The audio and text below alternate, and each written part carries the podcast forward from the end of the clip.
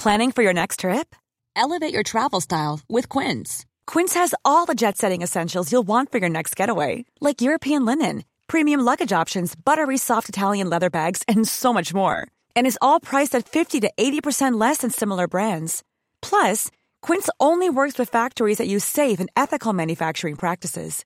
Pack your bags with high-quality essentials you'll be wearing for vacations to come with Quince. Go to quince.com slash pack for free shipping and 365-day returns. Hiring for your small business? If you're not looking for professionals on LinkedIn, you're looking in the wrong place. That's like looking for your car keys in a fish tank. LinkedIn helps you hire professionals you can't find anywhere else, even those who aren't actively searching for a new job but might be open to the perfect role. In a given month, over 70% of LinkedIn users don't even visit other leading job sites. So start looking in the right place. With LinkedIn, you can hire professionals like a professional. Post your free job on linkedin.com slash people today.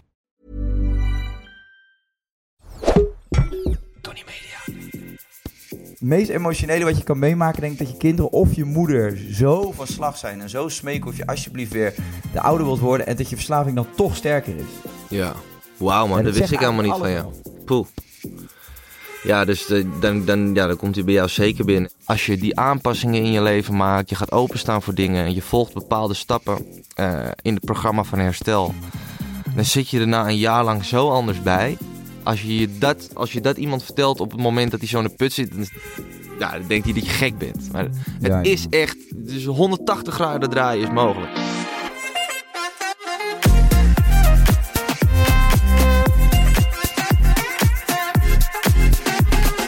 Dames en heren, welkom bij weer een nieuwe aflevering van Even Relativeren, de podcast. En dit is seizoen 2. En de gast die vandaag tegenover mij zit, is hier ook voor de tweede keer. Eh, Dave Roevink, dankjewel jongen. Goedemorgen vriend, goedemiddag, wat is het? Goedemiddag. Het is, goeie, het is goedemiddag inmiddels. Hey Dave, jij was vorig jaar een van mijn eerste gasten. Ik vond het echt een, eh, ja, ik vond het echt een topgesprek. Ik weet dat je toen heel openhartig was. Mhm. En eh, volgens mij zat je in een redelijk moeilijke fase. Want één, eh, al je werk lag stil. Je had net dat ongeluk gehad. Dus er speelde weer veel rondom jouw persoon. Maar ik vond, eh, ik vond toen dat je heel openhartig was. En ik, ik zag van jou ook wel een hele andere kant, zeg maar, op dat moment. Die ik nog niet echt van jou gezien had. Mhm. En ik moet nu zeggen, ik volg je altijd met groot plezier. En het laatste jaar eigenlijk heb ik het idee dat jij... Ik weet niet, op persoonlijk vlak, geestelijk vlak... Je hebt gewoon mega stappen gemaakt. Volgens mij ben je gelukkig. Ja. Je op een goede plek op dit moment. Klopt dat een beetje? Ja, dat klopt man. Dat is wel grappig. Toen ik bij jou zat, was eigenlijk het eerste interview wat ik deed eh, toen ik eigenlijk, eh, ja, voor de mensen nog eh, anoniem dan, maar ik zat toen net een paar maanden in herstel. Dus het houdt in dat Ja, ik clean was. Ik kwam eigenlijk net uit de kliniek. Dat wist nog niemand. Dus daar begon het eigenlijk. En dat gesprek met jou, dat was toen wel inderdaad ook heel goed ontvangen. Ik kreeg heel veel goede berichten daar ook over terug. Dat vonden mensen wel, die konden het wel waarderen, ja. Andere kant van mij. Mensen kennen alleen maar het geinen altijd en de gekkigheid. Maar ja. ja, er zit ook een serieus tintje aan. En inderdaad, wat je zegt, de afgelopen eh, twee jaar eh, eigenlijk, eh, ja, heb ik wel eh, grote stappen gemaakt, denk ik. Inderdaad, op eh, persoonlijk vlak ook. Eh, vooral ook door, eh, ja, door het clean zijn en alles wat daarbij komt kijken. Ja, want je zegt net, eh, eh, in die periode zat ik in herstel. Ehm, voor de mensen die het niet weten, je hebt eh, langere tijd gekapt met een, met een heftige verslaving. Ik moet heel eerlijk zeggen dat ik wel van je wist dat je van een drankje hield en ook wel van een snuifje her en der. Maar ik Mm. wist niet dat je, dat je zoveel problemen daarmee hebt ervaren. Nee. weinig mensen, denk ik, in de buitenwereld wisten dat, Dave. Of... Ja, dat wisten weinig mensen. Echt alleen mijn mijn inner circle, om het zo te noemen. Eh, ja, mensen kenden mij eh, natuurlijk wel net als jij. Gewoon een jongen uit de stad die wel van een drankje en een dingetje hield. Ja. Maar ja, dat ging op een gegeven moment al heel snel naar eh, isoleren. En eh, ja, drie, vier nachten overslaan. En gewoon niet meer willen voelen. En niet meer weten hoe je op een gezonde manier met je, met je gevoel en emoties om moet gaan. En ja, alleen maar dempen, dempen, verdoven. En ja, op het moment dat je dan weer nuchter wordt, komt die klap weer nog groter terug. Van, van al die gevoelens en emoties. En ja, als je gewoon eh, nooit geleerd hebt hoe je daar op een gezonde manier mee omgaat. En de enigste manier die jij kent is een drankje nemen of eh, een snuifje nemen. eh, ja, dan kan dat heftige vormen aangenemen als je verslavingsgevoelig bent. Wat Ja. er lichtelijk in zit bij me. ja. Zit, het in je, zit het in je familie, in de genen? Ja, ja, ik heb wel veel alcoholisme in de familie. Ehm, Dus ja, eh, ze zeggen ook dat, eh, nou ja, ze zeggen het is wetenschappelijk bewezen dat eh, verslaving een familieziekte is. Dat erfelijk is ook. Ehm, dus ja, het komt bij mij wel veel voor. En uh, ja, sowieso het wereldje waar ik uitkom. Uh, kijk, ik ben opgegroeid in de bruine kroegen van, van Amsterdam, weet je wel. Mijn moeder is een, een echte kroegtijger geweest haar hele leven. Mijn vader is een, een zanger geweest. Ja, ik, ik groeide op aan de bar. Um, dus voor mij was een drankie, ja, dat was al heel normaal. Ik denk dat, dat, dat, dat, dat, dat je daar anders tegenaan kijkt als je bij een bibliotheekfamilie opgroeit. Hmm. Dat, dat, het is maar net een beetje waar je, ja, wat normaal voor je is. En, en uh, ja, alcohol is sowieso ontzettend geaccepteerd uh, door bijna iedereen. Uh, ja, zo ook in mijn uh, kringen en vriendengroepen. En ja, we kennen allemaal wel als je een zware week hebt gehad dat je denkt, ah, even een drankie. Ja, dat is, dat is hmm. eigenlijk gewoon een, een, ja, een, een heel licht begin van even een uitweg zoeken voor dat volle hoofd. En ja, ja. op een gegeven moment ging het bij mij iets te ver. Hmm. Ja, ik weet dat je in veel interviews uh, de laatste tijd hierover gesproken hebt. Ik heb ook je podcast geluisterd met, uh, met Najib en... Uh, sorry, uh, de naam van je andere collega. Reda, ja. Reda, ja. Toffe gozer trouwens. Ja, man.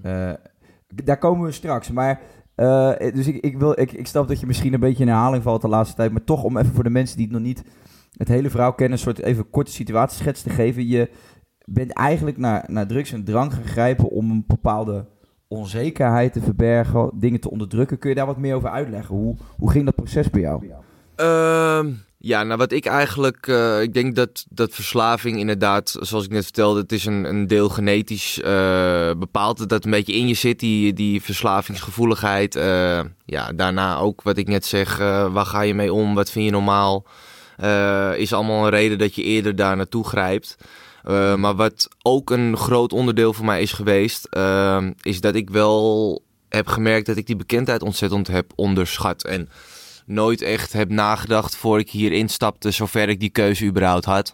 Want mijn vader is natuurlijk altijd bekend geweest en uh, ja, ik, ik ben opgegroeid met de camera's.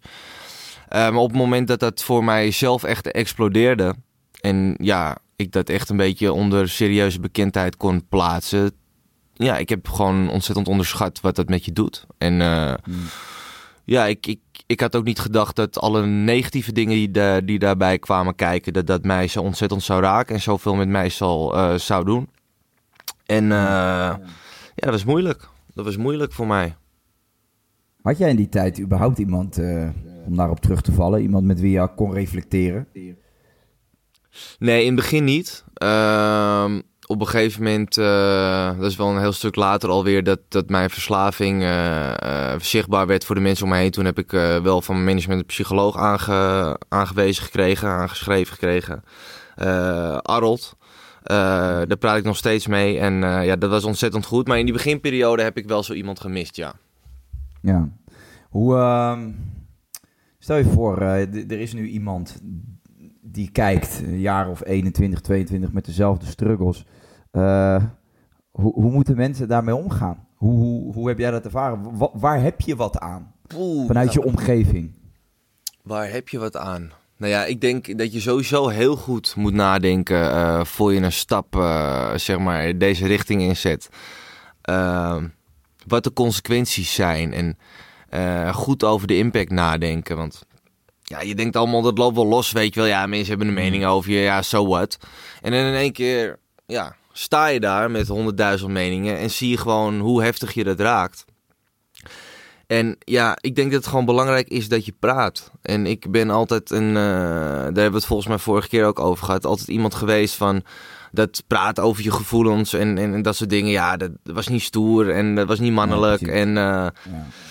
ja, dus dat, het allerbelangrijkste is gewoon praten. Gewoon, uh, ja, schaam je niet voor wat je voelt. En uh, ja, gewoon altijd hulp proberen te zoeken. Als je, als je ziet dat je het moeilijk krijgt en het niet, uh, niet zelf willen oplossen. Want ja, dan ga je je eigen middelen zoeken. En dat zijn niet altijd de beste. Nee, en jij had in je omgeving op een gegeven moment ook een hoop vrienden die, die wel iets door hadden. Ja. Je vertelt ook in, een, in, in een andere podcast dus, met Najib en Reda dat je een interventie hebt gehad van vrienden. En dat er na die interventie een fles wodka op tafel werd gezet. Ja, nou tijdens het gesprek eigenlijk wel. Ik had het in die, in die podcast nog netjes gehouden. Want Ja, zij nou, ja. het gevoel dat jij alleen, alleen een probleem had met cocaïne en drank. Dat is geen probleem, want dat Nee. doen we allemaal. En daar zijn we mee opgegroeid. Ja, en, en, en daar, dat vertelde ik ook om eigenlijk een beetje aan te geven hoe, eh, als je het zo vertelt, klinkt het natuurlijk heel gek tijdens een interventie. Maar dat geeft wel een beetje aan eh, hoe normaal drank wordt gevonden. Ook als je kijkt naar reclames op tv en ja, je kan duizend dingen opnoemen waaruit blijkt dat, dat het gewoon super eh, geaccepteerd is. Maar daar begint het vaak wel allemaal. En eh, kijk, ik, ik, ik, ik ga ook niet zo snel naar de drugs grijpen als ik, niet, als ik geen alcohol heb. En dat, dat zit zo met elkaar verweven. En buiten dat is verslaving iets wat zich, als je het ene middel weghaalt, zich gewoon weer in het andere middel gaat uiten. Hmm. Dus ja, ik denk dat totale abstinentie dat, dat wel nodig is om, eh, om goed in herstel eh, te kunnen komen. Dus ja, ik, ik zat inderdaad in kringen van, van, van, van mensen die gewoon eh totaal acceptatie hadden met alcohol. En ja, coke was voor junken. En dat was ook hoe ik er altijd tegenaan keek, weet je wel. Een beetje gabbers de kroeg in, weet je, lekker suipen en, en, en geen gekkigheid. En de rest van mijn vrienden, die, van mijn echte vrienden, die, die gebruikten dat ook allemaal niet. Ja.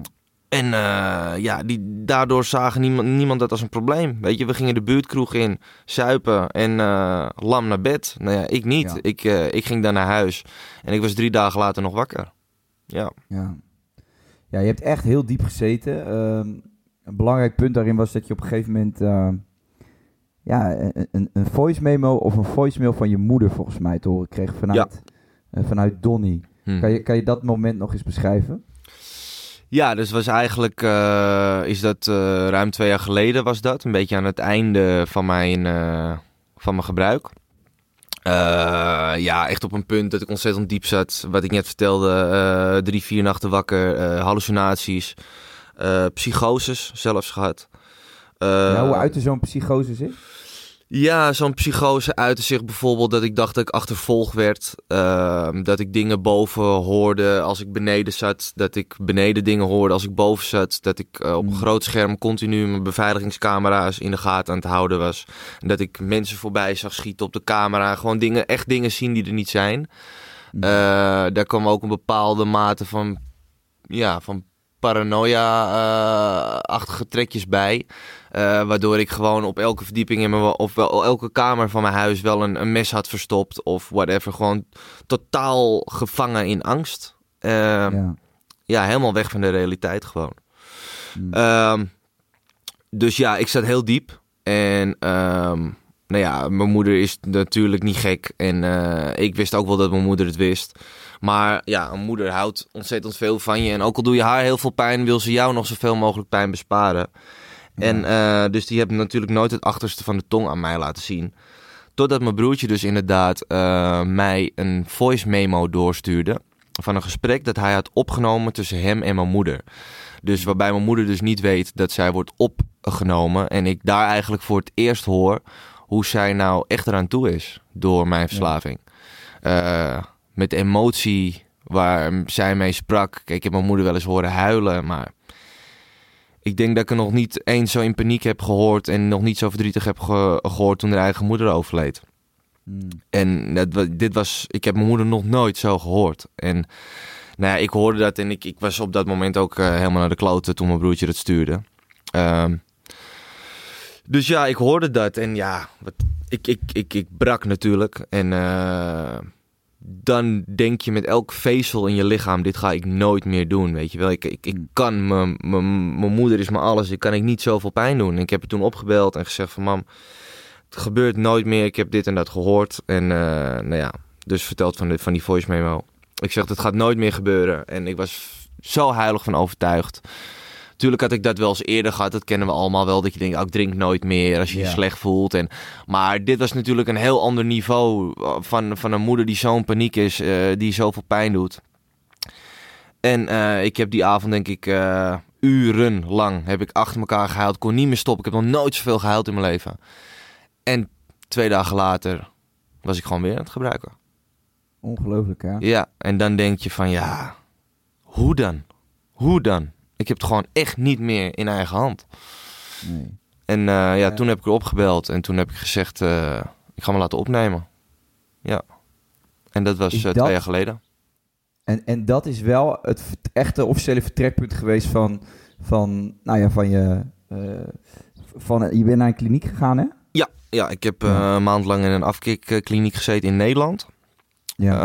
Ehm, en dat was inderdaad het begin van, mijn, van mijn echte herstel. Eh, en sinds die tijd eh, ben ik clean. je hebt geen terugval meer gehad sinds Nee, nee, gelukkig niet. Wauw. Hey, en ehm, nog even terugkomend op dat. Dus, dus je moeder, dat is natuurlijk voor, ja, ik denk voor ieder kind eh, hetgene waar je misschien wel het meest van houdt. Mm. Tenminste, als alles goed gaat en tenminste gaat zoals je hoopt dat het gaat. Maar moederliefde is natuurlijk wel iets, iets ja, onvoorwaardelijks. Mhm. En als je je moeder zo, ja, ik, ik hoorde het in die andere podcast toen je het vertelde, ja, ik, het kwam bij mij ook echt wel binnen. Omdat, ehm, ja, wij hebben, ik, ik heb een eh, vader gehad die eh, alcoholist is geweest heel lang. Ehm, is er eigenlijk aan overleden, heeft zichzelf eh, gewoon praktisch doodgedronken. Wauw. En wij waren toen heel jong, mijn broer en ik. En, en wij hebben hem echt ja, brieven geschreven en, en smeekbedes. En dan stel ik me dat zo voor. Mijn vader heeft dus zijn twee zoons, die nog jong waren, voor hem zien zitten. En zien smeken of papa alsjeblieft wilde stoppen met drinken. Eh, en, en, en of hij in eh, zichzelf wilde laten behandelen om weer de vader te worden die hij altijd was voor ons. Jezus man. En dan niet. zag ik de emotie bij hem. En dan zag ik dat het binnenkwam. Maar de volgende dag dronk hij weer. Ja. En ik heb hem daar nooit om vervloekt. Ondanks dat het heel eh, frustrerend was. Maar ik heb wel eigenlijk op hele jonge leeftijd gezien. Mijn vader was mijn vader niet meer. Dus de drank en de verslaving die hem overnamen. Die zorgden er gewoon voor dat mijn vader eigenlijk niet meer de man was die hij was. Dus ik heb toen in mijn tijd heb ik heel erg geprobeerd. Om mijn vader eigenlijk los te zien van de verslaving. Als twee dingen eigenlijk. Ja. Dus hier, je bent mijn vader, de man eh, naar wie ik opkijk, hè, de man die, die altijd zoveel liefde heeft gegeven. En, en rechts staat eigenlijk een soort duiveltje en dat is de verslaving. Maar dat geeft al aan, en die situatie van jou met je moeder lijkt daar een beetje op, dat je dus, ja, eigenlijk gewoon, het is, het is, het is het meest emotionele wat je kan meemaken, denk ik, dat je kinderen of je moeder zo van slag zijn en zo smeken of je alsjeblieft weer de ouder wilt worden en dat je verslaving dan toch sterker is. Ja. Wauw man, dat wist ik helemaal niet van jou. Hiring for your small business? If you're not looking for professionals on LinkedIn, you're looking in the wrong place. That's like looking for your car keys in a fish tank. LinkedIn helps you hire professionals you can't find anywhere else, even those who aren't actively searching for a new job but might be open to the perfect role. In a given month, over 70% of LinkedIn users don't even visit other leading job sites. So start looking in the right place. With LinkedIn, you can hire professionals like a professional. Post your free job on linkedin.com/people slash people today. Ja, dus eh, dan, dan, ja, dan komt hij bij jou zeker binnen. En, en dat is wat ik nu ook eh, met de kliniek eh, die we hebben ook zoveel om me heen zit, zie. Ja, mensen die echt een einde raad zijn, die, die echt met elk vezel in hun lichaam willen stoppen, die, die alles kwijtraken, hun baan, hun kinderen, hun vrouw, hun, hun alles wat ze hebben raken ze kwijt. En ze gaan toch door. En Ja. ja, dat is, dat is eigenlijk heel moeilijk uit te leggen eh, aan iemand die niet, niet die, die verslaving in zich hebt. Ja. Ehm, ja, het, het- een, een ander denkt van ja, st- stop gewoon, weet je wel. Dat is een heel mooie, eh, die Reda, eh, mijn, mijn sponsor in, in herstel en, en mijn compagnon in de kliniek, die, die legt het altijd heel mooi uit. Die zegt als je tegen, je hebt mensen die ontzettend veel gebruiken. En ehm, dat, dat noemen wij gewoon de veelgebruikers. En, en dus die, die niet de verslaving in zich hebben, maar gewoon maling hebben en veel gebruiken. Maar geef ze één goede reden. En zeg, eh, ik haal je kinderen bij je weg. En ze zijn de volgende dag gestopt. Hmm. Als je tegen, een, eh, tegen iemand zegt die eh, een verslaving hebt. Als je tegen die zegt van, je moet stoppen. Anders haal ik je kinderen bij je weg. Dan zegt ze, wat doe je maar aan? En dan gaan ze door. Ja. Dat is het verschil. Je kan niet alleen meer stoppen. En dat is waarom mensen hulp moeten zoeken. Want je gaat het niet alleen redden. Nee. Hey, eh, om even ook weer voor de mensen die dat niet weten. Je hebt eh, een paar weken geleden, volgens mij twee, drie weken geleden, heb je een, eh, een video naar buiten gebracht. Waarin je eigenlijk voor het eerst openhartig bent, überhaupt over, over je herstel, je verslaving en het hele traject waar je in hebt gezeten. Ja. Maar ook dus dat je met Reda en Najib Mhm. iets bent begonnen. Leg dat even, even van het begin nog uit voor de mensen. Ja, dus ik ben ruim twee jaar geleden ben ik zelf gestopt met, met gebruiken, kliniek gehad. eh, en ja, met succes. Ik ben eh, sinds die tijd clean. Eh, in herstel ben ik ook uh, Reda en Najib tegengekomen. Dus je ziet elkaar op meetings. Nou ja, Reda is mij vanaf het begin gaan sponsoren. Die heb ik in de kliniek ontmoet. Die gaf daar lezingen. Uh, Najib die heb ik onderweg in herstel ontmoet. Dus op een meeting. En ja, we deelden eigenlijk een beetje de, op een gegeven moment de passie om dit door te geven. En dat is gewoon iets waar je, want je, waar je enthousiast over bent. Dat kennen we allemaal. Dat wil je, wil je graag delen met mensen. En, mhm. Maar dat is dit op zo'n hoog niveau. Omdat ik heb echt gewoon. Ja, ik, ik zeg altijd, ik ben, ik ben niet. Uh, ik, ik heb geen zelfmoordneigingen gehad of, of whatever. Maar ik heb wel echt gewoon een hele lange periode gehad van ja, als ik niet meer wakker word. Uh, dan, is het, ja, dan is het gewoon echt prima, weet je wel. En dat, was, dat vond ik gewoon echt oké. Uh, het enige waarom ik er zelf geen eind aan wou maken, is omdat ik gewoon, ja, mijn ouders het niet wil aandoen als ze een kind zouden moeten verliezen. Dat, dat, soort dingen waren nog de enigste houvast hmm. stukjes in mijn leven om, om gewoon in leven te blijven. Gewoon helemaal geen geluk meer, niks meer, geen passie meer, niks. Alles is weg. En als ik kijk hoe ik me nu voel, en dat had ik al na een jaar, dan denk ik van wauw man, mensen moeten dit weten. Als je die aanpassingen in je leven maakt, je gaat openstaan voor dingen en je volgt bepaalde stappen uh, in het programma van herstel. Dan zit je er na een jaar lang zo anders bij. Als je, je dat, als je dat iemand vertelt op het moment dat hij zo in de put zit, dan, ja, dan denkt hij dat je gek bent. Maar het is echt, dus 180 graden draaien is mogelijk. En uh, nou ja, wij deelden die passie gewoon. En op een gegeven moment hebben wij gewoon gezegd: uh, we gaan iets opzetten. Het is namelijk zo dat uh, er zijn klinieken in Nederland, maar uh, we kunnen nog geen 10% helpen van de verslaafden in Nederland per jaar. Omdat er gewoon veel te weinig ruimte is. En er zijn zoveel verslaafden. Er komen steeds meer verslaafden bij. Ehm, het is heel breed natuurlijk ook. Hè. Je hebt seks, je hebt gamen. Tegenwoordig mm. allerlei nieuwe dingen. Uh, als lachgasballonnen. En ja, er zijn zoveel verslavingen. Dus we zijn gewoon, ja, ons netwerk eigenlijk gaan koppelen. En we, we hebben besloten om, om gewoon een, uh, ja, een, ruimte, een ruimte te gaan openen voor mensen om, uh, om te kunnen herstellen. Ja, en dat is dus uh, geen plek waar je kan worden opgenomen, als in dat je daar slaapt. maar het is eigenlijk gewoon een traject wat je volgt in, je, in je vrije tijd. Of eigenlijk is het niet je vrije tijd, maar moet je er mhm. gewoon echt tijd voor maken, toch? Ja, ja, je hebt eigenlijk meerdere soorten behandeling die er mogelijk zijn uh, als je in herstel komt. Dat is dus de klinische, dat is wat ik gehad heb, dat is wat de meeste mensen kennen. Uh, gewoon opnemen, uh, eh, 24-7 in een, in, een, in een huis zitten eigenlijk. voor een bepaald aantal weken. maar er is ook nog een traject mogelijk, dat heet dagbehandeling. En dan kom je vier dagen in de week, kom je eigenlijk gewoon in een soort klas met ja, lotgenoten, om het even zo te noemen. En dan slaap je wel thuis. Je bent het weekend thuis en je gaat kijken hoe dat gaat. Uh, dus dan kan je daarnaast ook uh, nog een beetje je ding blijven doen. Want vaak, uh, wat voor mij ook heel, uh, een hele grote stap was, is dat van ja, als ik naar de kliniek ga, dan moet ik gewoon twee maanden mijn agenda leeggooien.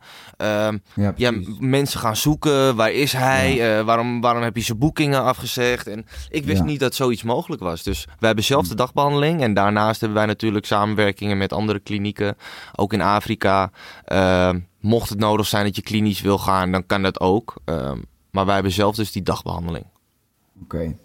Ja, ik vind het echt een fantastisch initiatief. Ook omdat ehm, de combinatie van jullie drie, ik denk dat jullie een hele grote doelgroep aanspreken. Ja. Die zich uh, eigenlijk misschien nu niet gehoord voelt. Of uh, die, die moeilijker te bereiken zijn. En uh, ja, je kwetsbaar opstellen, hè, we hadden het vorig jaar over, of twee jaar geleden in onze eerste podcast. Kwetsbaar opstellen is iets wat wij mannen sowieso moeilijk vinden. En, en jij komt uit Amsterdam, ik in Rotterdam. Maar ik denk dat we redelijk vergelijkbare tijden hebben gekend. Zeker in onze puberteit. Mijn hele vriendengroep. Alles in mijn vriendschappen bestaat ook altijd uit dat biertje. Weet je wel. Of je nou een stukje gaat varen, dan moet gezopen worden. Vakanties, dan moet yeah. gezopen worden. En je lult er ook niet over. En je moet niet janken. Je moet gewoon dat biertje pakken. Het mhm. zit zo in ons systeem geven. En um, ik, um, ja, ik zie maar weinig mensen die, die, die daar eerlijk en oprecht naar durven te kijken. Uh, want ik zal jou zeggen, ik denk dat ik in mijn omgeving 90, 90% van de mensen die gewoon om mij heen dansen, een, een, vorm van een lichte verslaving hebben, zonder dat ze het zelf doorhebben. Ja. Uh, want je kan wel zeggen van ja, maar ik drink alleen in het weekend. Maar als jij snakt naar dat drankje in het weekend, in theorie ben je dan al verslaafd. Want je hebt dan vrij, op die vrijdag, zaterdagavond heb je dat drankje nodig. En dat ken ik bij mezelf ook. Ik, ik merk ook dat ik gesprekken voer met mezelf... waarin ik af en toe bagatelliseer van... ja, nee joh, maar je kan heel makkelijk door de week van dat drankje. Hm. Maar er zit bij mij wel echt een urge op die vrijdag of die zaterdag... om gewoon die kop eraf te zuipen. Ja. En dat zit er al in vanaf mijn vijftiende of zo. Mhm. En ik ben daar de laatste tijd heel veel over aan het nadenken. En ik zag je, ik zag je filmpje voorbij komen op Instagram. En toen zette het nog meer aan. Ik luister veel podcasts erover. Dat ik het eigenlijk absurd vind hoe wij zijn gaan kijken naar drank. En, en, en dat we allemaal heel erg moeilijk doen om een ecstasy-pilletje. Maar ik kan verdomme hier de straat niet uitrijden. Of ik word doodgegooid met reclames over drank. Eh, televisieprogramma's. Elk programma wat gaat over daten, over gezelligheid, over feestjes. Er zit altijd drank in. Heb jij iets bereikt op school? Of eh, heb je iets bereikt in je werk? Waar Ja, vier je het mee? met drank. En dat is eigenlijk heel raar, want je, je, je trakteert jezelf op gif. Want Ja. het is gewoon, in die end is het gewoon gif. Oh, ik heb iets stofs gedaan. Weet je wat? Gif. Ja. Heel, het, maar ik zit er ook zo in. En ik, ik, ik, het, is, het gaat zo aan je voorbij allemaal. Maar als je stilstaat en je gaat eens analyseren wat de fuck we met z'n allen aan het doen zijn, is het eigenlijk echt bizar, toch, Dave? Het is eigenlijk, en ik, ik vind het altijd, ik wil daar nooit. eh, ja, ik vind het ook, nou laat ik zeggen, ik wil, ik wil dat wel, maar ik vind het moeilijk om daar af en toe eh, moeilijk over te doen. Omdat ik natuurlijk ook altijd dat, dat gedaan heb. En ik wil geen zeikert zijn, maar in principe, als je er zo naar kijkt, als jij net, eh, net beschrijft, is het belachelijk eigenlijk dat, het, dat, het, dat, ja, dat we dat zo normaal zijn gaan, eh, gaan vinden. En Ja. inderdaad, dat we dat als een soort beloning zijn gaan zien.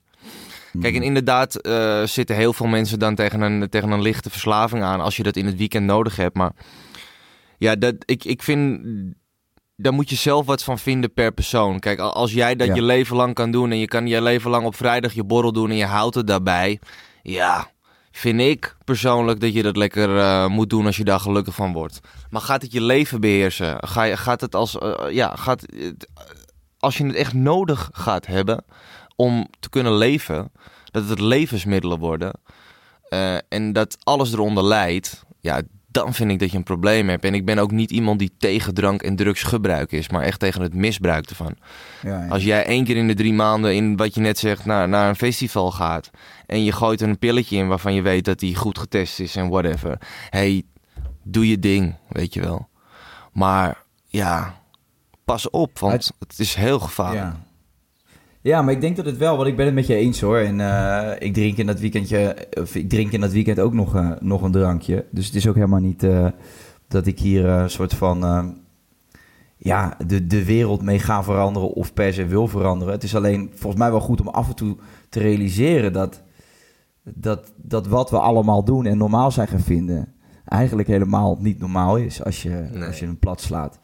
Ehm, ik heb wel het gevoel, maar misschien kan jij dat beamen of, misschien heb je het gevoel juist niet, dat het nou, bijna een soort van hipper wordt, geaccepteerder wordt, om voor een gezonde levensstijl te gaan. En dat het eh, eh, een alcoholvrij bestaan, ik, ik, misschien kom ik het toevallig tegen, maar ik kom het heel veel tegen in podcasts of boeken die erover geschreven worden, dat veel meer mensen er wel open, open over durven te praten. Terwijl vroeger, ja, wij zeggen een sukkeltje als je zei van ik drink niet meer, toch? Ik heb Ja. wel het idee dat het iets meer geaccepteerd wordt. Zie jij dat ook? Of?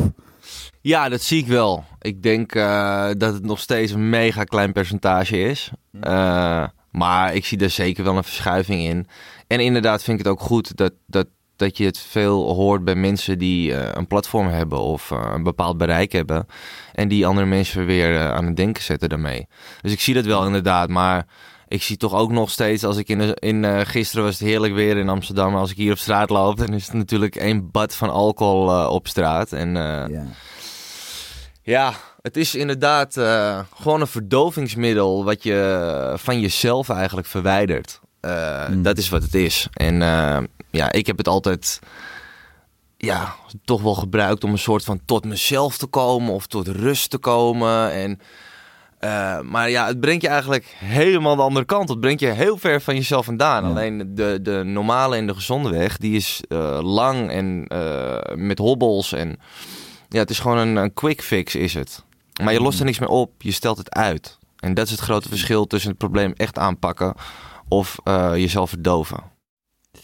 Hey Dave, je hebt, eh, ja, je hebt die stap genomen twee jaar geleden om eh, ja, afstand, afstand te nemen van, van het leven waar, eh, waar je eigenlijk in bent opgegroeid. Hoe moeilijk was dat? Nog even los van die verslaving. Want Ja. dat is iets hè, wat je lichamelijk en geestelijk ervaart. Mhm. Maar hoe moeilijk is het ook om los te komen misschien wel van... Nou, ja, misschien ook wel oude vrienden of omgevingen waar je vroeger veel was. Je Ja. laat ook een bepaalde identiteit die je hebt aangenomen, laat je een soort van los. Ja. Ja, het is super, echt super zwaar geweest. Dat meen ik echt. Maar zo mega mooi. En inderdaad, wat je Mm. zegt, je hebt die lichamelijke eh, afkick. Je hebt die geestelijke problemen die je op moet lossen. Maar je hebt ook al die jaren een bepaald ja, eh, netwerk of, of ja, omgeving, cirkel om je heen gebouwd. Wat totaal niet meer past bij, ja, bij de man die dan de kliniek uitloopt, weet je wel. En dat is ook Nee, waar je heel nee. goed in, in begeleid wordt in zo'n traject. Maar ik heb echt gewoon eh, mijn nummer eh, verwijderd. Al mijn contacten verwijderd en ik ben opnieuw begonnen. En eh, tegen al mijn goede vrienden uitgelegd wat er aan de hand was. Ehm, dat ik even een tijdje tijd voor mezelf nodig heb. En dat is met de tijd zijn, de, ja, zijn gewoon de echte vrienden wel overgebleven. Ehm, maar dat was, dat, dat was een proces. Ik merkte dat na, na een paar maanden dacht ik, ga weer eens na een paar maanden clean. Ik dacht dat ik zes, zeven maanden clean was of zo. Toen dacht ik van nou, Mm. ik zat op de bank alleen. Ik denk, ik ga weer eens naar de jongens toe. Weet je wel, als ik bel ze op, waar zijn jullie? Nou, we zaten bij een vriend thuis, pokeravondje. En ik ging daarbij zitten. Ik denk, nee man, dit ga ik niet trekken, weet je wel. Iedereen aan het keilen en gezellig en muziekje aan. En, en ja, dan ga je naar huis en dan denk je van, hoe ga ik dit doen de rest van mijn leven? De, dit, ik- Mm. dan zie je het gewoon niet voor je. Maar kijk, hoe normaal eh, dat wijntje voor je was op het terras of bij het eten. Zo normaal is dat glas water nu voor mij. Eh, al na twee jaar. Dus ja, je, je, je groeit daarin en dat heb echt tijd nodig. Om gewoon ja, een, een dikke glazen wand eh, tussen die twee levens op te bouwen. En dat is in het begin gewoon heel dun en daar breek je zo doorheen. Dus de- je moet daar heel voorzichtig mee zijn. En je moet gewoon heel alert zijn in die beginperiode. Maar ja, je moet alles op. Je, je, je gooit je hele oude leven in de prullenbak. Letterlijk. Alles. Wow. Dus heel moeilijk. Ja. ja. Ik vind het echt, eh, Dave, ik vind het mega, mega knap. Eh, ik vind ook omdat inderdaad alles en iedereen om jou heen dacht van Dave, de gezellige jongen, die houdt van feestjes. Je draait nog notenbenen, die gaat lekker de kroeg in. Eh, ja, je, nogmaals, je bouwt een identiteit op en je zegt het zelf al, die moet je eigenlijk gewoon in de prullenbak gooien. En dat is zo fucking moeilijk. Ja. Want wat blijft er over? Hè, dat weet je van tevoren niet. Wat blijft er over van de oude Dave als je dat laagje eraf pelt? ja. En ik denk dat heel veel mensen daar ook ehm, eh, bang voor zijn. Tuurlijk. Eh, en da- daarom, daarom ben ik zo fucking blij, oprecht blij, dat jij zo... Ja, je, je straalt gewoon, weet Mm. je wel. En je, ik zie, ik volg je op social, social media, ik zie je niet dagelijks verder of zo, maar ik zie gewoon een bepaalde sparkle in je ogen.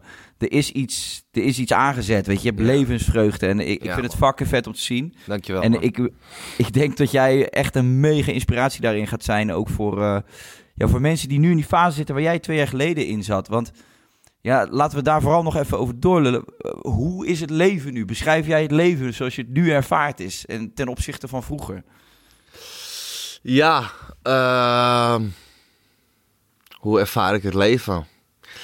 Ja, ik, ik, ik zeg altijd, ik, wat ik nu echt zeg, en dat meen ik uit de grond van mijn hart, ik ben zo blij dat ik zo diep eh, heb gezeten en dat ik die verslaving eh, heb gehad. Want ehm, in, de, in, de, in, in, in het leven wat ik had, ehm, ja, werd niet, was allemaal nuchter, weet je wel. Het werd niet gesproken over zelfontwikkeling. Ik had nooit in, in dit wereldje, ik had hier nooit voor open gestaan. Ik, het was me nooit gelukt om deze kant op te komen, denk ik, zonder die verslaving. Eh, ik werd gedwongen deze kant op, zeg maar. En ehm, ja, net wat je net zegt, dat, dat je op een gegeven moment gaat afpellen en, en, en dat je denkt, wat Bella heeft er over, weet je wel. En nou, wat er bij mij overbleef, was gewoon... eh, ja, ik zag gewoon mezelf weer toen ik 14 was. Op straat rennen en onbezonnen in het nu. En ja, ik weet niet man, er viel alleen maar ellende eigenlijk van me af. En ik werd weer gewoon echt. Ik werd ook weer gewoon... Ja, ik vind het moeilijk te beschrijven. Ik werd weer gewoon mijn kind of zo. ik was weer... wauw. Het, het is echt een mega ervaring geweest. Echt zo beestachtig. En inderdaad, wat je zegt, eh, ik vind het leuk dat je dat ziet, maar ik voel me zo goed, man. En Ja, man. eh, het gaat ook goed nu qua, qua werk. En ik heb een, een, een lieve vriendin en een prachtig kind. En, maar ik voel ook... Bowie. Bowie. Sorry hoor. Ja, ik vind hem top. Ik volg hem. Ja, dat beest is geweldig, maar goed. het is echt... Dus je moet je voorstellen, ik adopteer een hond en precies die hond is drukker dan dat ik ben. Nokken. Dave zit in een fucking mooie vrouw. Even Ja. kappen, jij. Geef me een... ik, heb je helemaal, ik heb je helemaal gevolgd. Ga door, ga door. Ja, nee, maar ik vind het leuk dat je dat, eh, dat, je dat ziet. En eh, zoals ik zeg, de omstandigheden zijn nu ook goed. Maar ik heb, ik heb dat eerst... Ik heb eerst gezorgd dat ik zelf op orde was. En ehm, ja, dat voel ik ook nu. Dat die basis goed is. En dat... dat ja, als het werk nu niet goed zou gaan en eh, het geld komt niet meer binnen of whatever omstandigheden, gewoon dingen buiten jezelf, dan ben ik nog oké. En Ja. ik was vroeger gewoon altijd afhankelijk van de omstandigheden. En ik dacht, ja, ehm, ik moet een andere vriendin. Of eh, misschien als ik daar ga wonen, dat het beter met me gaat. Of eh, als ik nou eh, die klok koop of die auto, dan voel ik me weer goed. En gewoon, dat- daar moet ik nu zo om lachen dat ik zo heb gedacht, Ja. weet je wel. Maar dat is wel hoe heel veel mensen eh, leven, weet je wel. We, we, we proberen te presteren met een bepaald doel. En dat is vaak een object eh, wat we dan willen hebben om, om het geluk te voelen. Of een bepaalde baan of een bepaalde status. En als je die dan hebt bereikt, dan geeft dat heel eventjes die vervulling. En dan zie je al heel snel van, nee, dit is het niet. en maar wat is het dan wel? En dat onderzoek, ja, dat ligt aan de hele andere kant. eh, ja, da- dan moet je echt gewoon een beetje dat spirituele pad op gaan. En, en nou, in ieder geval de, de zelfontwikkeling in. Ja, het maakt ook geen reet uit hoe je dat noemt. Hè? Want de een noemt het zelfontwikkeling, de ander noemt het spiritueel gelul. Uiteindelijk denk ik dat je je hele leven in een proces zit van ontwikkeling. Ja, sowieso. Eh, tot- totdat je doodgaat. En of je dat nou spiritueel noemt of niet, dat maakt eigenlijk geen reet uit. Ja. Ik, wat je net zei, vond ik fucking interessant, man. Dat je zei van, ik voelde me weer eigenlijk zoals ik was toen ik kind was. Ja. En dat, dat vind ik mooi, want het, je bent als kind ook nog puur. ja. Omdat je, je bent nog niet bewerkt. Je bent nog niet bezig met welke status neem ik aan. Wat vinden mijn vrienden van me? Wat vindt de buitenwereld van me? Daar ben je nog gewoon die puurste vorm. En eh, dat je dat hebt ervaren toen je uit die verslaving kwam. Ja, ik kan me voorstellen dat daar mega veel geluk in ligt. Ja, in ik dat heb- gevoel. Ik heb, eh, eh, ik heb huilend over straat gefietst. van Ja. geluk. Eh, Wow. Ja, echt, echt dat ik fietste. En eh, ik, heb- ik krijg nu nog een brok in mijn keel als ik eraan denk. Omdat ik weet Ja. hoe ongelukkig ik was. En eh, dat ik op een gegeven moment, na een half jaar of zo, fietste ik door het Vondelpark. En het zonnetje scheen. En ik, ja, ik, ik brak gewoon, man. Ik denk van, wauw, man. w- Gelukkig dat het mij gelukt is. En eh, in het half jaar, eh, ja, je vertelde het net al over je eigen vader. Maar dit is zo'n dodelijke ziekte, verslaving. Mm. Ik heb zoveel mensen al dood zien gaan in die twee jaar om mij heen. eh, die ik heb leren kennen in de verslaving. Dus niet normaal. Dat gaat nergens over. En ja, dat moet je echt niet te, te lichtzinnig over doen. Vooral zelf niet, want ik ben gauw iemand die denkt van... Ah, ja, weet je, het is gelukt, prima. Maar je, je mag echt wel trots daarin zijn. En het is echt niet, zomaar iets. En ik denk, kijk, waarom ik, waarom ik dat, dat moment had dat ik terugging naar mijn, naar, in mijn hoofd naar mijn jeugd, zeg maar, dat ik weer kind was. Is omdat ik denk ik weer voor het eerst ervaarde hoe het was om gewoon in het nu te komen. Ja, ja, ja. precies. En net wat je zegt, als kind ben je puur. Je bent alleen maar in het nu. En eh, ja, als je, als, je, als je ruzie hebt met een jongen op het schoolplein, eh, dan geef je elkaar een knuffel. En de volgende dag speel je weer samen in de zandbak. En er- er Mm. blijft helemaal niks hangen, weet je wel. En ja, dat heeft allemaal te maken met, met niet met je hoofd in het verleden en in de toekomst te zitten. Echt, hè? En dat is een heel eh, een basisbegrip eh, waar je eigenlijk mee begint als je, als je dit pad op gaat. Maar het is zo'n essentieel ding. Eh, ja, Fuck. echt tranen van geluk door het park gefietst. Ja, man. Ja, je laat gewoon... eh, Kijk, als je wat ouder wordt, heb je natuurlijk... En je hebt een verleden waar je op terugkijkt. Dus je hebt dingen meegemaakt waar je misschien trauma's door hebt opgelopen of onzekerheden. En je, eh, weet je, je bent op een punt waarin er van alles van je toekomst verwacht wordt. Mhm. Ga ik het wel rondkrijgen met mijn geld? Kan ik dat huis wel betalen? Kan ik dit wel? Dus je hebt constant twee soort van dingetjes die tok, tok, tok, tok, tok in je hoofd doen. En inderdaad, het nu vervalt. Dus je bent eigenlijk een soort constant verdoofd door die wereld heen aan het fietsen. ja, Ja. gewoon letterlijk. Ja. Ineens was je er weer. Heb je, ook, heb je ook dat je zintuig weer voor openstaan, Dave? Dat als je gewoon buiten loopt, dat je gewoon planten, Ja, eh, man, vogels, ja, dat je Ja. alles weer openstaat. Ja, man. Ja, dat, eh, dat kwam ook al vrij snel. Dat ik eh, met mijn sponsor, dus met die Reda, even naar het park ging om wat dingen door te nemen. Eh, dat stappenplan werken wij dan af. Hè? Een 12 stappenplan in het, in het programma van herstel. Die, eh, die stappen werk je dan af. En het wordt eigenlijk een beetje je nieuwe handleiding. Eh, Dus we waren dat aan het doen en ik zit voor het eerst weer in een park. En ik zit zo anders in dat park dan dat als ik überhaupt ooit naar een park ging toen. Maar als ik er eh, toevallig doorheen liep of zo. Maar ik keek nu naar die bomen inderdaad. Weet je, die planten, de wind, noem maar op. Je bent zo fucking connected. Het is, Hmm. ja, ik, ik schiet er elke keer van in de lach. Dat ik gewoon, ja, ik denk dat niemand dat, dat ooit van mij verwacht had. Maar ik zelf ook niet. En dat vind ik dus het mooie. En daarom denk ik ook dat ik daar gewoon wel mensen mee kan inspireren. Omdat als je het van iemand niet zou verwachten, dat het dan wel van mij was. Dat gevoel heb ik zelf ook heel erg. Weet je, ik dacht van nou, als ik er nu nog op terugkijk en ik weet nog een beetje hoe ik toen in het leven stond. Ja, als je mij dit had verteld, dan had ik je zo hard uitgelachen. En ik, ja, ik voel me zo goed nu. Het gaat nergens over. Ah ja, nee, Ja. ik vind het echt tof om te zien. Volgens mij, heb je, volgens mij zei je nog wel eens tegen mij, weet je wel, als ik iets over meditatie of zo plaatste, dan zei je van, van eh hey, oude spirituele goeroe of zo, weet je. Dat was tot best wel ver van je bed af. Ja, ja, Nou ja, ja, ja. bij mij, mensen, mij zullen mensen ook niet heel snel spiritualiteit of dat soort dingen linken. Maar goed, fuck het, laat het ook helemaal geen titel geven. We hoeven dat ook weer niet een stempel te geven, weet je. Ervaar het gewoon en... eh, ik vind het echt, ik vind het echt fucking vet om te horen. En, Zeker, maar het zijn wel, ehm, het zijn, je hoeft het geen stem te geven, maar het zijn wel mooie dingen eh, om, om, om over te hebben, ook voor een groot, groot publiek. Omdat net wat je zegt over dat verleden en toekomst, dan eigenlijk het eerste wat je aanhaalt is dat je je zorgen maakt of heb ik wel geld, hoe zit het met mijn huis en allemaal dingen buiten jezelf. En dat is gewoon hoe wij eh, ja, geleerd hebben om onszelf te programmeren. Dat je een goede Ja. baan hebt, je geld op orde, die veilige keus, dat, dat, dat je dan eh, geslaagd bent in het leven of zo. Klopt. Ja, ik heb echt fucking veel geld verdiend en echt de auto gekocht die ik wou en de klokken en de huizen, noem maar op. En niks heeft me zo gelukkig gemaakt als gewoon 10 minuten op een mat zitten en gewoon in het nu komen, weet je wel. Dat, Hmm. Het is wel echt belangrijk om te benoemen, eh, ook van mensen zoals ons, dat, dat, dat iemand dit hoort die denkt van nou, ik ga het toch ook maar eens proberen, weet je wel. Ja, ja. Je, je wordt er zo'n beter mens van, je wordt het echt, doe het voor jezelf. Ja, en wat ik ook altijd merk, eh, het, woordje ja, nee, daar ben ik te nuchter voor. Ja. Eh, het, eh, dat is ook, het is ook een beetje een soort van ja, stok om mee te slaan, weet je wel. Laat het allemaal maar niet in de buurt. En als je nuchter bent, dat, hè, wij Nederlanders houden van nuchtere mensen. Ja. Dus wij vinden het ook heel erg fijn om te pretenderen dat we nuchter zijn. Als ik, het, als ik het met iemand wel eens heb over, weet ik veel, iets wat dan maar een beetje in de hoek van spiritu- spiritualiteit lijkt te liggen. Hoe vaak ik dan hoor, ja, maar daar ben ik te nuchter voor. Dan denk ik, ja, maar je, op voorhand zeg je dat dus om er niet mee in aanraking te hoeven komen of om jezelf te beschermen. Maar Mhm. bekijk het gewoon met een open vizier zonder waardeoordeel als het wat voor je is. Weet je wel, Ja. wat kan dat voor kwaad? En daarom probeer ik ook een beetje, zeg maar, ook dat woordje spiritualiteit, daar hangt nog een soort van...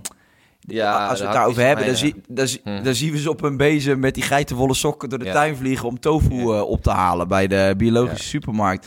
En daar wil ik eigenlijk een soort van vanaf. Want ik denk, joh, meditatie. Ik sta er ook elke dag mee op, Dave. En ik ga s'avonds naar mijn nest. Doe ik yoga nidra. Omdat ik anders gewoon moeilijker slaap. En het heeft mijn leven ook veranderd, weet je. Dus ja. ja, waar, waar- waarom zouden we daar zo omheen dansen met z'n allen? Nee, klopt. En, en, en eigenlijk het, het allermooiste van alles is dat eh, mensen die het niet doen, dat vinden we nuchter. En mensen die het wel doen, is zweverig. Maar volgens mij is het juist heel down to earth. Hoe als je dit doet, als je een beetje weet wat het inhoudt. Dus het is ontzettend down to earth. Want je bent totaal connected gewoon met, met waar we zijn. Ik vind het zweviger als jij denkt van nou, als ik iets koop, dan gaat dat mij gelukkig maken. Ja, dat is eigenlijk zweverig, toch? Het is totaal omgedraaid. Ja, je hebt gelijk. Ja. Je hebt helemaal gelijk, man. Hey, en eh, je hebt, eh, ja, je hebt een, een- een, prachtig kindje gekregen. Ja. Eh, het is echt een gezinnetje aan het worden, want er zit tegenwoordig ook een reiger op je Ja. ja. ja, huisje, boompje, beestje. Ja. Hey, maar qua timing denk ik, als ik zo hoor, je, bent, ja, je, je bent van je verslaving af. Of, nou ja, ik weet niet hoe jullie dat benoemen. Zeg- ben je, ben je, blijf, blijf je altijd verslaafd? Is dat iets wat je zegt? Ja. Of, of Ja, een je- andere benaming? Je, je, je blijft altijd verslaafd. En eh, ja, je noemt het dan een verslaafd in herstel. Eh, ja, eigenlijk als je je voorstelt op een, op een meeting, zeg je ook eh Dave verslaafd. Dus ja, je blijft altijd verslaafd. Alleen je hebt een verslaafd in gebruik en een verslaafd in herstel. Ja, nou, je bent in ieder geval niet meer in gebruik, gelukkig. Eh, je hebt, we hebben het er net even over gehad. Je hebt wel onderhand al anderhalve liter water op hier Ja. aan de overkant. dat Heb jij ook last van je blaas? Ik moet zo Ja. vaak pissen, maar ik hou het nog even vol. Hey, we hadden het er net al even over dat je zei van, nou, dan gaat dat jasje ook uit en, en, dan komt er een nieuw persoon naar boven. Je, je verwijdert je telefoonnummer, alles. Je mag jezelf helemaal eigenlijk opnieuw ontdekken. Wat eigenlijk ook gek gezegd wel weer heel tof is. Mhm. Eh, en dan ook rond diezelfde periode word je nog vader. Dus het is Ja. sowieso een heel nieuw leven met zoveel nieuwe dingen die daarbij komen kijken. Eh, wel qua timing lijkt mij heel mooi allemaal. Alsof het zo heeft moeten zijn. Ja, ja, inderdaad. eh, of het zo had moeten zijn. Maar ik, ik, ik had ook niet, denk ik, in de, in- een kind eh, genomen. tenminste, geprobeerd om een kind te krijgen in, in die periode waar ik toen zat. Dus Nee.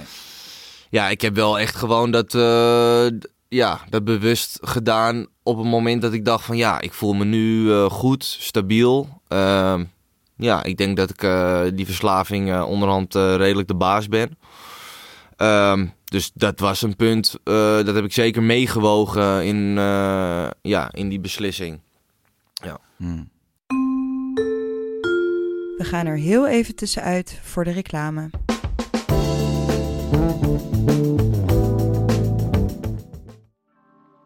Dames en heren, onlangs kwam ik tot de schokkende conclusie dat ik al 30 jaar gedehydrateerd door het leven ga. Een droge tong, een droge huid, haaruitval. Al mijn vitale organen waren uitgeschakeld. Het was kiele kiele. Totdat ik Air Up ontdekte. En sindsdien hydrateer ik mezelf elke dag. Drink ik genoeg water. Vind ik water lekker. Want met Air Up krijg je 0% suikers binnen. 0% rommel. Het is water met een geurtje. En dat geeft een heerlijke smaak. En daardoor drink je iedere dag voldoende. En is water drinken nooit meer saai. Dus zit jij nou te kijken met een droge tong, een droge huid en haaruitval? Niet getreurd. Met de Air Up fles drink je voldoende water en los je al je problemen op. Go for it. Air Up. En eh, hoe is het leven als vader? Ja, beestachtig. Ja, niet normaal. Ja, ik heb natuurlijk het geluk eh, met mijn werk ook dat ik geen eh 9 tot 5 heb. Dus eh, elk uurtje dat ik even naar huis kan, zoals nu als ik hier klaar ben, dan heb ik een, eh, een uurtje tussendoor straks. Ja, ik race naar huis toe. Ik neem die kleine op mijn schoot of we gaan het park in. En ja, het is, eh, iedereen met kinderen weet het. Het is eh, een heel cliché, maar het mooiste wat er is. eh, meer kan je er echt niet van maken. Niks is meer belangrijk. Niks is meer belangrijk. En, en alles wat je doet is in het teken van hem. En eh, ja, het maakt mij allemaal niet meer uit. Jezus, Dave, ik moet ook nu ineens aan jouw moeder denken. Eh, die, die heeft natuurlijk ook zo diep gezeten in die tijd dat het slecht met jou ging. En die ziet jou nu, ja, eh, vrolijker en gelukkiger dan ooit gezond. En die is ook oma geworden. Hoe, hoe, hoe, hoe, Ja. hoe staat zij nu het leven? Hoe kijkt ze naar jullie, jouw gezin, al het le- alles wat je nu in je leven meemaakt? Ja, dat is. eh, dat heb ik toevallig ook er- ergens laatst gezegd. Maar eh, dat was wel ontzettend mooi. Want ik had mijn moeder. eh, die komt natuurlijk heel veel op visite. Die past ook zeker één keer in de week op. Ehm, maar het verdriet wat ik bij haar heb gezien. was heel heftig. Maar ik zie er nu af en toe zitten. En ik ken mijn moeder als geen ander. Natuurlijk. Eh, Ja. Maar die, die twinkeling die jij al bij mij ziet. Nou, die twinkeling die ik bij mijn moeder zie. Het geluk wat zij nu heeft. Vooral de rust die zij heeft. Ja, daar ben ik heel dankbaar voor. Dat ik, eh, dat ik haar weer eh, ook de leven heb teruggegeven. Want ja, ik, ik heb dat wel echt een hele lange tijd van afgenomen, denk ik. Ja. Ja. En dat is iets wat je niet meer kan terugdraaien. En ik kan dat ook eh, redelijk goed een plek geven om... Nou ja, jij, jij kent het, je weet wat een verslaving is. En je hebt dat op een gegeven moment gewoon echt niet meer in de hand, hoe graag je ook wil. Dus in een, in een bepaald opzicht ben ik daar ook wel echt machteloos in geweest. Maar je, je, het is natuurlijk ontzettend, eh, ja, ontzettend verdrietig wat je, wat je de mensen om je heen aandoet. En Ja. eh, dat kan je nooit meer terugdragen. Het enige, enige wat je kan doen, is nu dit doen. En eh, ja, dat werkt. En eh, ja, ik zie dat zij zoveel rust heeft. En dat is heerlijk. Ja, te gek. Hey Dave, nog even tot slot, eh, en dat is zonde af te geven op de huidige verslavingszorg. Mhm. Ehm, eh, mijn, vader is negen keer een kliniek in geweest en vervolgens weer uitgegaan. Ehm, Mhm. Dat was inderdaad dan, ja, dan, dan drink je enige tijd niet. Maar zodra hij buiten, buiten was, dan, dan hij kwam eigenlijk alweer lam bij ons thuis.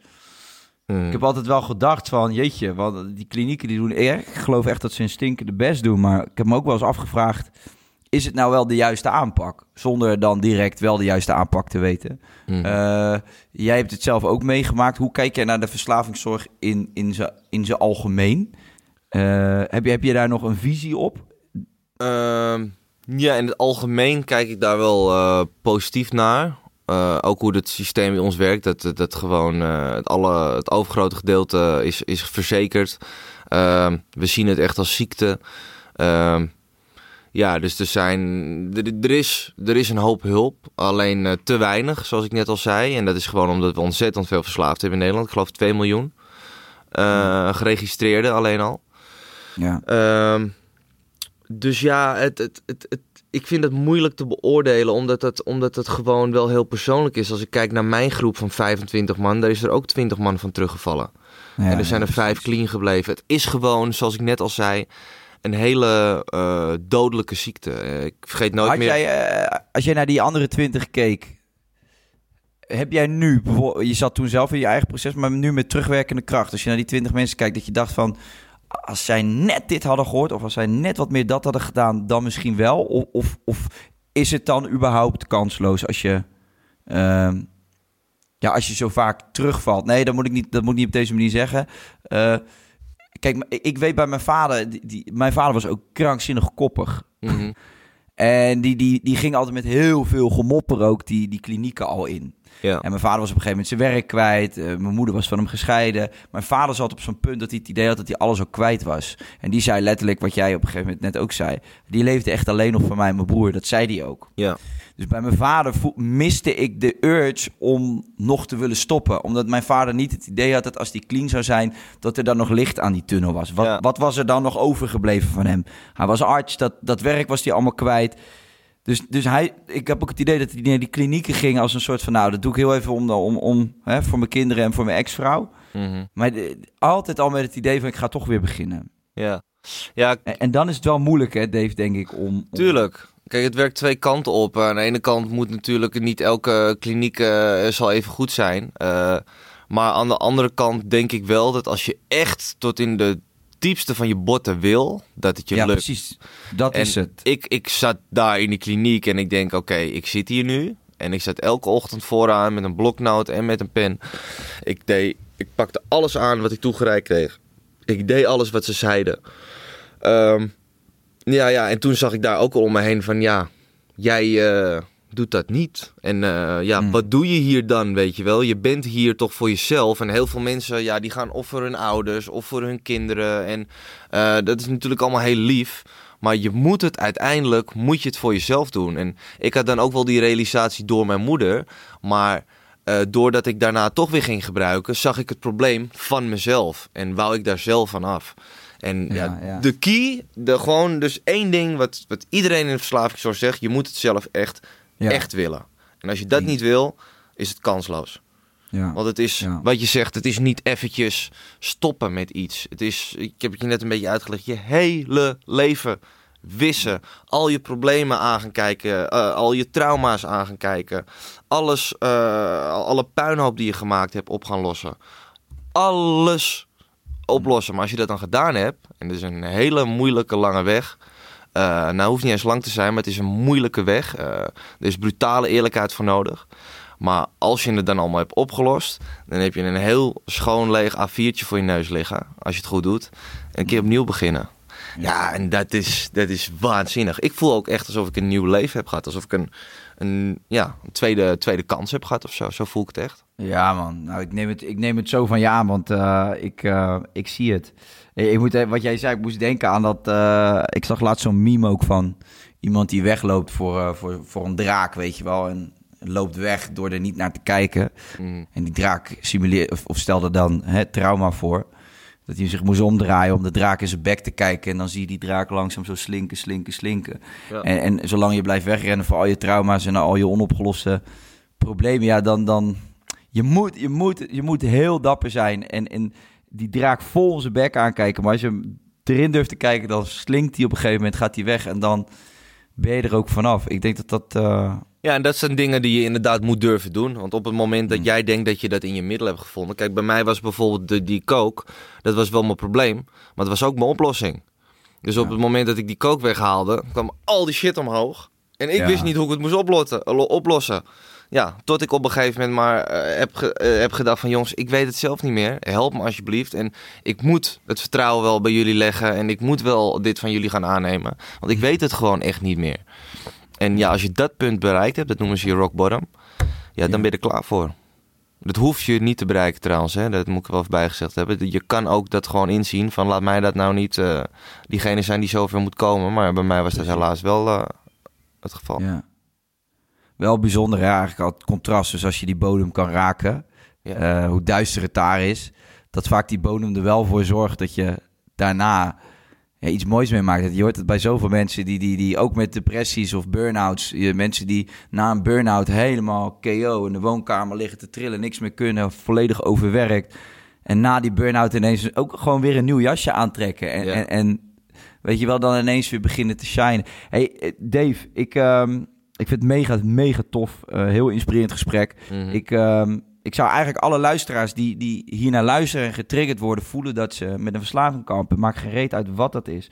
Of dat inderdaad nou seks, drugs, gamen, eh, whatever.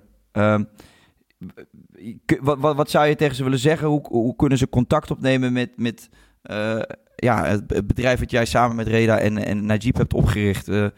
Eh, kunnen we daar nog iets van een, van een oproepje voor doen of iets? Ja, nou ja, ik zou in het algemeen willen zeggen, zoek hulp, Ja. weet je wel. En het hoeft echt niet bij mij, echt niet. Dus Nee, weet nee, je, eens. zoek een kliniek. Eh, dat kan bij ons, bij Recovery, zeker. En we willen je met alle liefde helpen. Eh, ik denk dat wij dat ook heel goed doen en dat wij echt goede mensen hebben. Maar ik wil er niet een soort eh, promo-ding van maken. We hebben dit echt opge- opgericht om mensen te helpen. En of je dat nou bij ons doet of bij een Jellinek of whatever. Maar zoek hulp. Ga niet wachten tot het voor de duizendste keer misgaat. En gun jezelf gewoon die kans om gewoon van, van, van 0 naar 100 te gaan. Want dat is wat het is. Ik, ik, je zit zo diep en je hebt er gewoon geen geloof meer aan. En als je dit hoort, ga het gewoon maar doen. Weet je, nu is het toch al niks. Het kan alleen maar beter worden. En ik beloof je, als je het goed doet, ja, dan krijg je gewoon een nieuw leven, man. En dat moet je jezelf echt gunnen. Top, man. Ik, eh, ik sluit me daar helemaal bij aan. Nogmaals, hey Dave, ja, het klinkt altijd een beetje alsof, alsof je open tegen je praat. Eh, Ja. Dus het is niet neerbuigend bedoeld, maar ik ben echt fucking trots op je, maat. Ja, en eh, ik, eh, nee, ja, ik vind het echt... Ik, ik denk dat je mega inspiratie zal zijn voor, voor mensen, vooral van, van jongere leeftijd, die, eh, die hiermee kampen. En eh, mega belangrijk. En ook vanuit de, op deze manier, ook Reda en Najib, eh, ook chapeau naar jullie twee. Fucking vet. En eh, ik ga je zeker volgen. Wellicht zien we elkaar binnenkort nog een keer in Nederland. Dan gaan we lekker Ja, leuk, even man. in het park zitten. Ja. Gaan we naar vogeltjes kijken. Met een glas water. Grasprietjes plukken. En eh, jullie allemaal bedankt voor het kijken of luisteren. Ehm, en tot snel. Ciao. Ciao, ciao.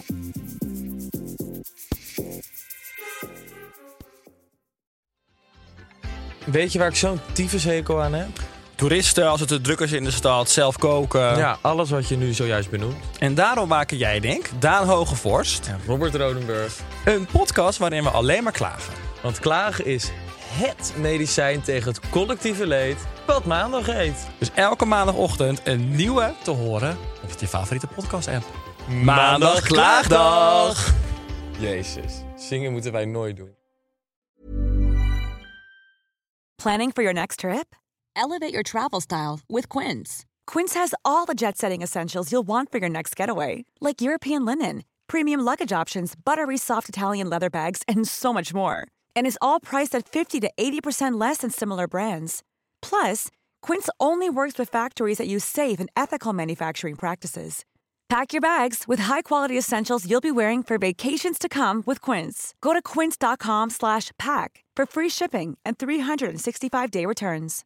Imagine the softest sheets you've ever felt. Now imagine them getting even softer over time. That's what you'll feel with Bowl and Branch's organic cotton sheets. In a recent customer survey, 96% replied that Bowl and Branch sheets get softer with every wash. Start getting your best night's sleep in these sheets that get softer and softer for years to come. Try their sheets with a 30-night guarantee. Plus, get 15% off your first order at bowlandbranch.com. Code BUTTERY. Exclusions apply. See site for details.